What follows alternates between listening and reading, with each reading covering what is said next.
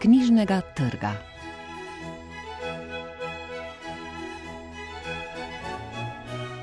Dober dan, v oddaji iz knjižnega trga nas čakajo pesniška zbirka Kristine Kočan Selišča, roman Borisa Kolarja Potopimo Islandijo in knjiga spomenke in Tineta Hribarja Slovenski razkoli in slovenska sprava.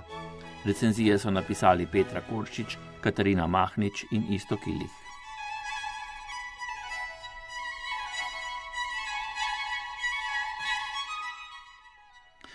Kristina Kočan je avtorica štirih pesniških zbirk. Prvenec Šara je izšel leta 2008, sledili sta zbirki Kolesa in Murve ter Šivje, na zadnje pa še zbirka z naslovom Selišča, tudi ta kot večina drugih pri Mariborski založbi litera. Avtorica naslednje ocene Petra Koršič v zbirki izpostavlja pesničino premišljeno rabo jezikovnih sredstev in širjenje tematskih izhodišč. Pesnica in prevajalka Kristina Kočan že v prvincu Šara ni mogla skriti zanimanja za sodobno ameriško poezijo. Generacijsko v tem ne izstopa, vendar je ena tistih avtoric, ki so navdušenje nad sodobno ameriško poezijo poglobili v jezikovnem raziskovanju. S četrto pesniško zbirko Selišča postaja vse bolj opazna tudi naslomba na japonsko kulturo in njeno tradicionalno estetiko. Začnimo pri naslovih in pri besedah, torej pri jeziku, ki je za pesnika sredstvo, s katerim ubeseduje tvarino snov, ki jo obdeluje. Enobesedni naslovi zbirk šara, šivje, selišča opozarjajo na zvočno plat šumnikov, predvsem v besedah, ki nimajo pogoste rabe. V zadnji knjigi so to tiholazno, vsemirje, rosljati, žužnjati, črnjava, vršaj mirnodušje. Poleg zooloških, botaničnih in ornitoloških terminov je opaziti tudi nekaj arhajičnih izrazov: begaj, tajinstveno. Zanimivi pa so tudi novi izrazi, naprimer božališča, ki bi lahko ostal kar v naslovu, saj gre v knjigi selišča na vse zadnje za božanje duše in telesa. Namesto povsem običajnih izrazov, Kristina Kočan uporablja bolj nenavadno različico, ki odpira estetsko raven. Za globoko rabi globočavo, za trenutek trenutje, za veter zapiše vetričava, za globino zapiše globočina, za meglo meglovje, za mraz mrzlota, za temo temota. Vse naštete in izpostavljene besede so del pesniške govorice avtorice, ki besedno gradivo razporeja v zelo kratke verze, tokrat izključno brez ločil in z izjemo osebnih imen z malimi črkami. Verzni lomi so različni, od tega, da gre za domnevno poudarjanje besede v novi vrstici ali dvojno pentljajoče branje, ali tako, da vsebinski lom, vdih, premor poteka sredi vrstice kot šiv. Slednje, ki je občasno opaženo že v zbirki šivje, je istopajoče in sveže. Naprimer v pesmi z naslovom Beseda, ki to ni. Včasih taka postavitev odpira drugačno branje, včasih pa se zazdi bolj enigmatično, kakor dejansko je. Pesem Viharnika je ena tistih, katere lom ni poseben, a je vsebinsko ustrezen. Iz vrstičnih postavitev sklepam, da lom narekuje zunanja forma, torej vidna podoba natisnjene pesmi in ne nujno vsebinski razlog. To si lahko razložimo tudi s tem, da se Kristina Kočan ne pusti ujeti v nobeno pravilo. Več recenzentov je pri njeni poeziji omenilo anžambma. Raziskovanje loma vrstice pri pesnikih, ki se poglabljajo v jezikovno strukturo in ekonomijo izraza, kar pogosto. Pri Kristini Kočan zaznavam veliko svobode in odstopanj. Lomljenje bi bilo lahko še bolje raziskovano in tako bi bila pri recenzentih izpostavljena pesničina namera še bolj upravičena kot pesniška manira. Kočan uporabi tudi elipso in med abstraktnejše akvarele vstavi vsebinsko poved, naprimer v drugi pesmi z naslovom Zadnji klic. Vse moje ljubezenske pesmi so za njega, ki ne bere. Na vsebinski ravni sta dva stebra, ki pesmi sredinita k ljubeznivosti, veselju. Tu je že iz prejšnjih knjig znani drugi, druga. Odprej znano telesno erotiko v seliščih nadomešča duhovna atmosfera vsemirja in bližine. Novost pa je sin, ki se ga pesnica večkrat dotakne kot čudenje nad novim življenjem. Morda so nekateri izrazi tudi posledica interakcije z zgodnjo otroško govorico, gotovo pa ni naključno, da v zbirki najde mesto uspavanka. Knjigo Selišča z le 32 pesmimi, izpisanimi zračno z velikimi medvrstičnimi razmiki, je Kristina Kočan oblikovala iz treh razdelkov, katerih naslovi se končajo na šča: srečišča, selišča in mislišča. Vse tri razdelke odpirajo večje izpisani verzi, ki so izkazala sodeč prva pesem razdelka. Prvi nakazuje srečanje, srečo in mir pri drugem je zareza z verzom Žovna, ki zadaja in tako v bravcu odzvanja predvsem vizualni vers, ki stoji tik pred njim in se glasi: Iv je na mahu. Tretji uvod oziroma prva pesem tretjega razdelka pove stanje v obliki mislice. Včasih ni razlike med človekom in njegovo senco. Že na začetku razdelka s pesmijo Beseda, ki to ni, se tajinstveno, torej skrivnostno in nedoumljivo posveti japonski besedi Jugin. Takoj zatem omeni Snyderja. Navdušenju nad ameriško pesniško tradicijo je torej dodana japonska, predvsem tradicionalna estetika, saj dela Gerja Snyderja izražajo ukvarjanje z budistično duhovnostjo in naravo. Je zato v tej knjigi na videz vsega malo? je to izraz pomika v meditativno prakso. Beseda jugen ustreza zavesti o zavedanju vesolja. Ob opazovanju in poglabljanju v naravo to sproži čustvene odzive in ti so pregloboki in premočni za besede. Poudarek je na minevanju stvari, na začasnosti, torej selitvi, na slovnih seliščih in na občudovanju lepote trenutka. Subtilno globoka milina, ki pa ni očitna odtot posledično manj besed.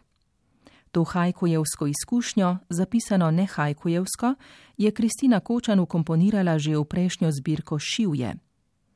Zbirka selišča je tako slogovno, kakor vsebinsko poglobitev pesničenega raziskovanja. V jeziku in v že znani snovi ter zanjo novi tvarini, odnosu do sina in do narave. Poleg reminiscenci in nanašalnic na ameriško in vzhodnjaško pa najdemo tudi nekaj domače naravne dediščine, usporejanje med tujimi in domačimi gorami ter vodovjem, rekami. Voda je pomemben element selišč. Tudi s temo minevanja je Kristina Kočan povezana že od prvenca in sicer tedaj eksplicitno s temo smrti. Motrenje naravnih prizorov se je v knjigi Selišča poglobilo. Njena lirika drsi med kontemplacijo ob naravi in intimnimi doživetji v mikrokozmosu, ter se gradi predvsem z vse močnejšim poglabljanjem v jezikovno strukturo, imenovano ludistično raziskovanje pesniškega sredstva. Vendar raziskovanje nikoli ni samo sebi namen, nasprotno. Jezikovno raziskovanje Kristine Kočan gre z roko v roki z vsebino. V pesmi z naslovom Selitve izvemo: Pot je edino zatočišče. Spet zazvenita vzhodnjaška modrost in vsebinsko osmišljanje naslova, govorka se namreč vpraša, je selitev vedno res obljuba za povratek? In če naslednje verze beremo pentljaje, se vračamo k prejšnji besedi in tako zaustavljamo linearni potek branja in doživljanja časa, se to bere, povratek nas reši, odhod že pred odhodom. Odhodom med spanjem in budnostjo. Tam so mislišča, božališča, srečišča in selišča, v točki uvida in ali zamrznjenega trenutka.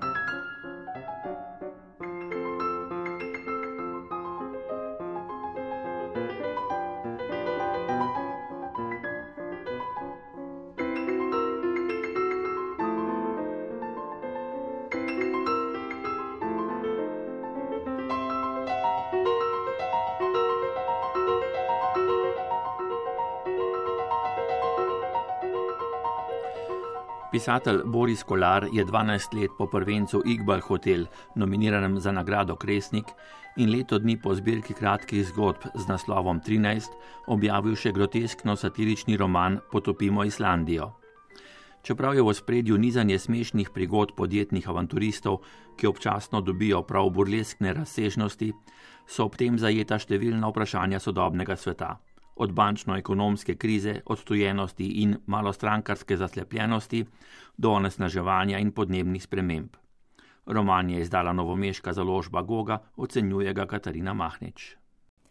Potopimo Islandijo, roman Borisa Kolarja z vonjem po morju in nafti, je po avtorjevih besedah nekakšna popotovalna odisejada, karikatura Evrope v predcovidnem času in omaš njegovemu življenju na nizozemskem in prijateljem, ki jih je imel tam. Vendar bi bili junaki, ki se iz namišljenega nizozemskega mesteca Zvarteburen odpravijo na maščevalno misijo, lahko iz katerega koli evropskega mesta. Zaplet tega eksplozivno duhovitega in na resnične dogodke in dejstva inteligentno naslonjenega romana se namreč začne zaradi bankrota islandskih bank okoli leta 2012, kar prizadene tudi nizozemsko podeželje. Novica kot strela z jasnega trešči med zvarte burenčane, ki zaradi tveganih vlaganj ostanejo brez občinske blagajne. Voditelji političnih strank, konzervativne, liberalne, zelene in upokojenske, ter neodvisnega političnega akterja, ki je po naključju bosanec, se v navalu besa odločijo kaznovati brezbrižne japijevske bankirje in to tako, da bodo Islandijo preprosto potopili.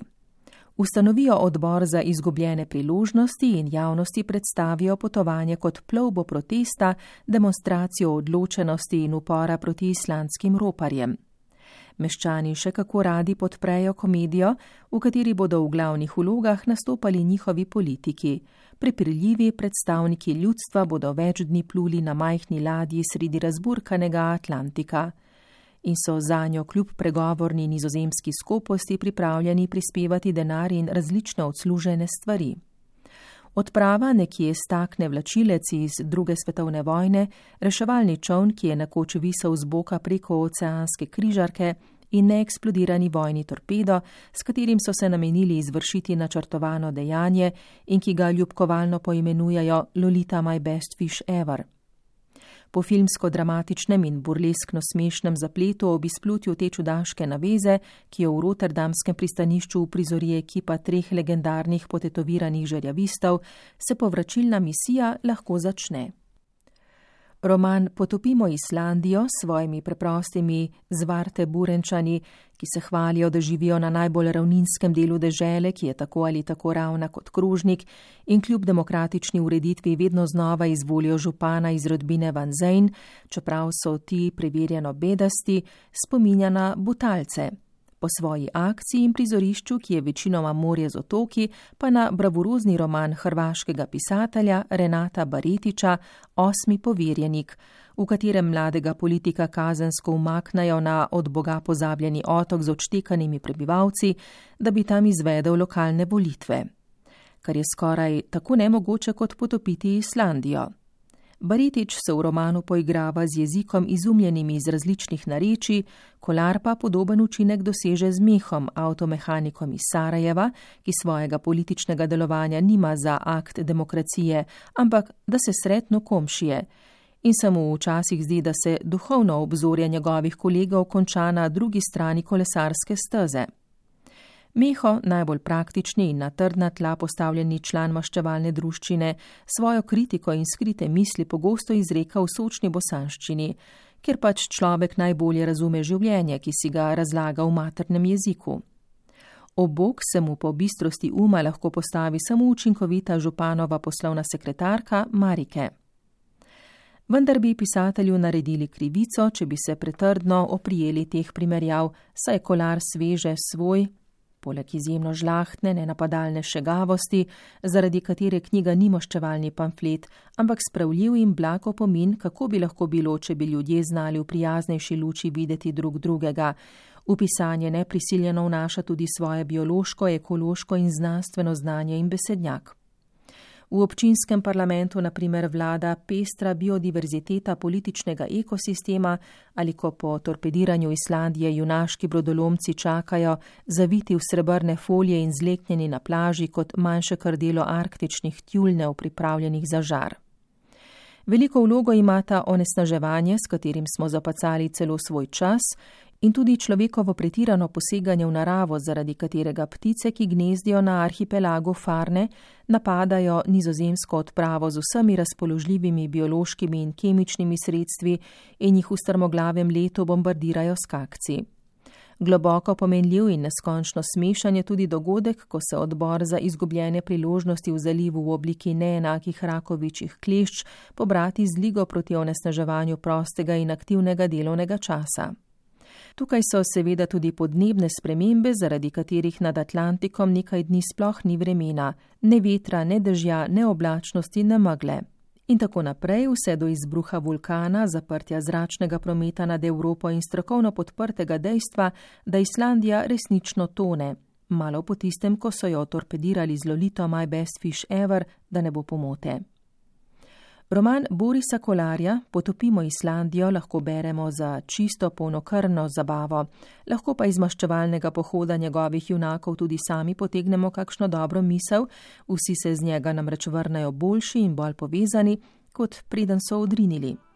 In ne nazadnje, da je treba od besed preiti k akciji, ker lahko še tako majhno dejanje spremeni potek zgodovine, čeprav nikoli ne vemo, v katero smer. Zato pa mora biti človek tudi malo nor ali, kot je prepričana babica Brinhilder, ki jo naši maščevalci srečajo na štrleči skali sredi oceana. Povem vam, kadar je človek nor, je na varnem, le če se mu zmeša, ga je včasih treba nabiti na kov. Pa razumite to, kakor hočete.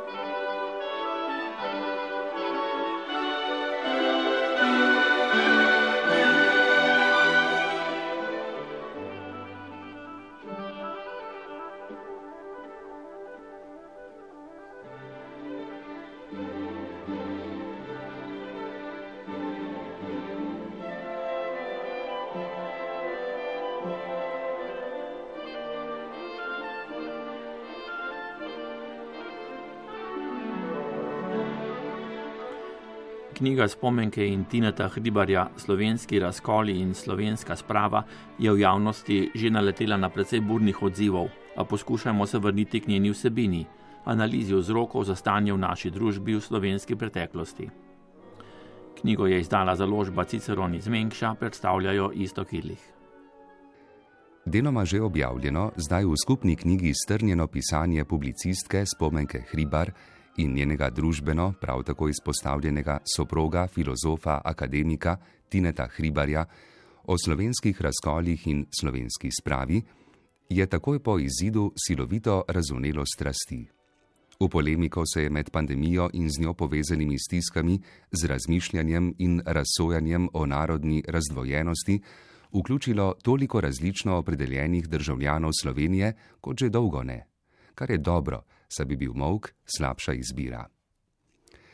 Skupnemu uvodu sledita ponatis prelomnega eseja Krivda in greh in dopolnjenega članka Zamovčana zgodovina in sočutje iz leta 2019, kjer spomenka Hribar piše o usodnosti zavračanja sprave v duhu načela. Kdor ni z nami, je proti nam.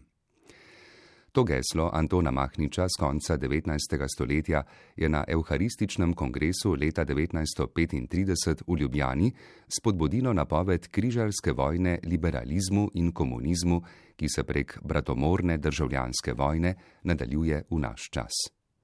Kako zelo, pripomni avtorica, sta si podobni marksistično-leninistična in klerikalno-katoliška govorica. Spomenka Hribar o poskusu predstavitve začetka katoliškega totalitarizma piše, da se nam bo šele s primerjalno interpretativno analizo klerikalno-katoliškega in bolševiško-komunističnega ekskluzivizma razjasnila podoba vrtinčanja vzrokov in posledic v dogajanju med domačo državljansko vojno. Skrajni čas je, da po več kot sto letih zavestne ločitve duhov od mahničevsko-klerikalne prek bolševiške razredno-bojne do poosamosvojitvene protikomunistične, to obdobje naše zgodovine zaključimo, še povdarja.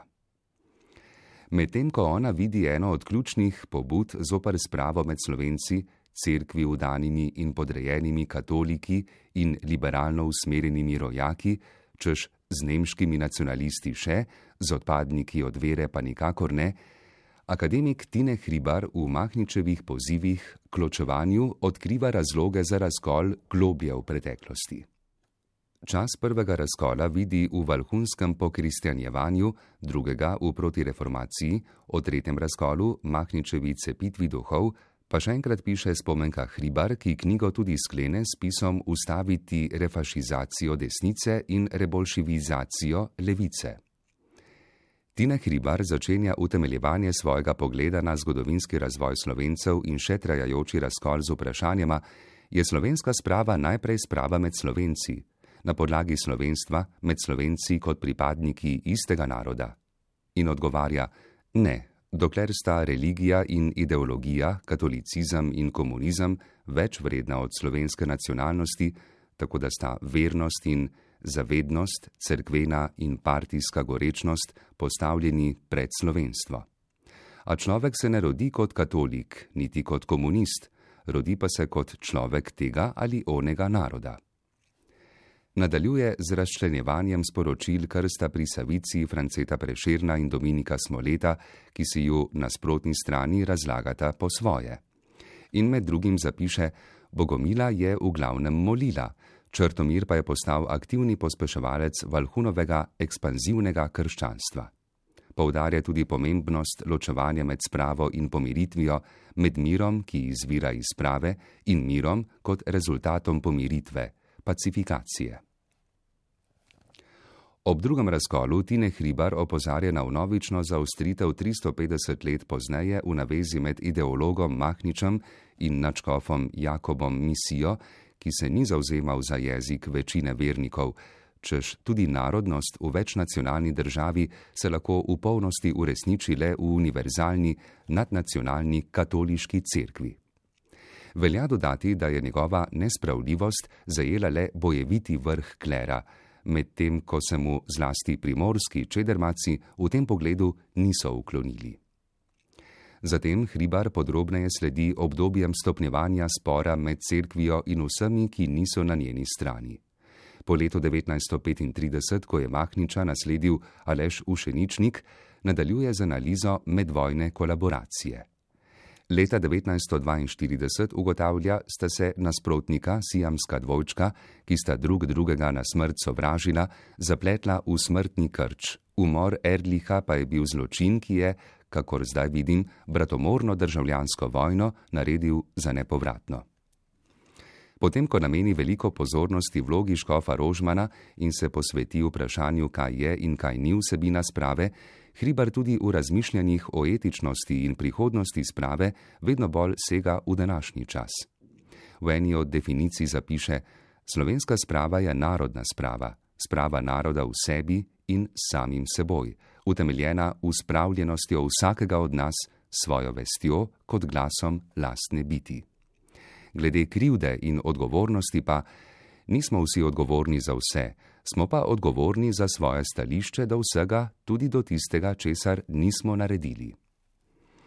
V nadaljevanju knjige Slovenski razkoli in slovenska sprava Tine Hribar ostro in polemično ocenjuje aktualne politične in družbene razmere v državi ter vzroke za nje. Zgovorna je kronika spreminjanja stališč članov Slovenske akademije znanosti in umetnosti do sprave, zlasti ob lanski objavi slovenske sprave ter javnih odzivih na njo. Kot so avtor ustave in več drugih ključnih dokumentov, Tine Hribar seveda pozna njihovo nastajanje in poznejšo usodo. Soprogo spomenko, kljub ponavljajočim se zastojem in razočaranjem, ustraja, da je sprejetje sprave, kot jo opredeljuje, usodnega pomena za prihodnost slovenstva. Večina, tudi med akademiki, zadnjo različico v celoti ali večji del sprejema, levi in desni skrajneži, kot jim pravi, pa jo že spodkopavajo. Zato ta čas ne vidi možnosti za sprejetje in potrditev besedila v parlamentu. Ob tem ne skriva zaskrbljenosti. Strah pred resnico vodi v sovraštvo do sprave, sovraštvo pa do iskanja zla zgolj pri nasprotniku in prikrivanja zla na lastni strani, opozarja.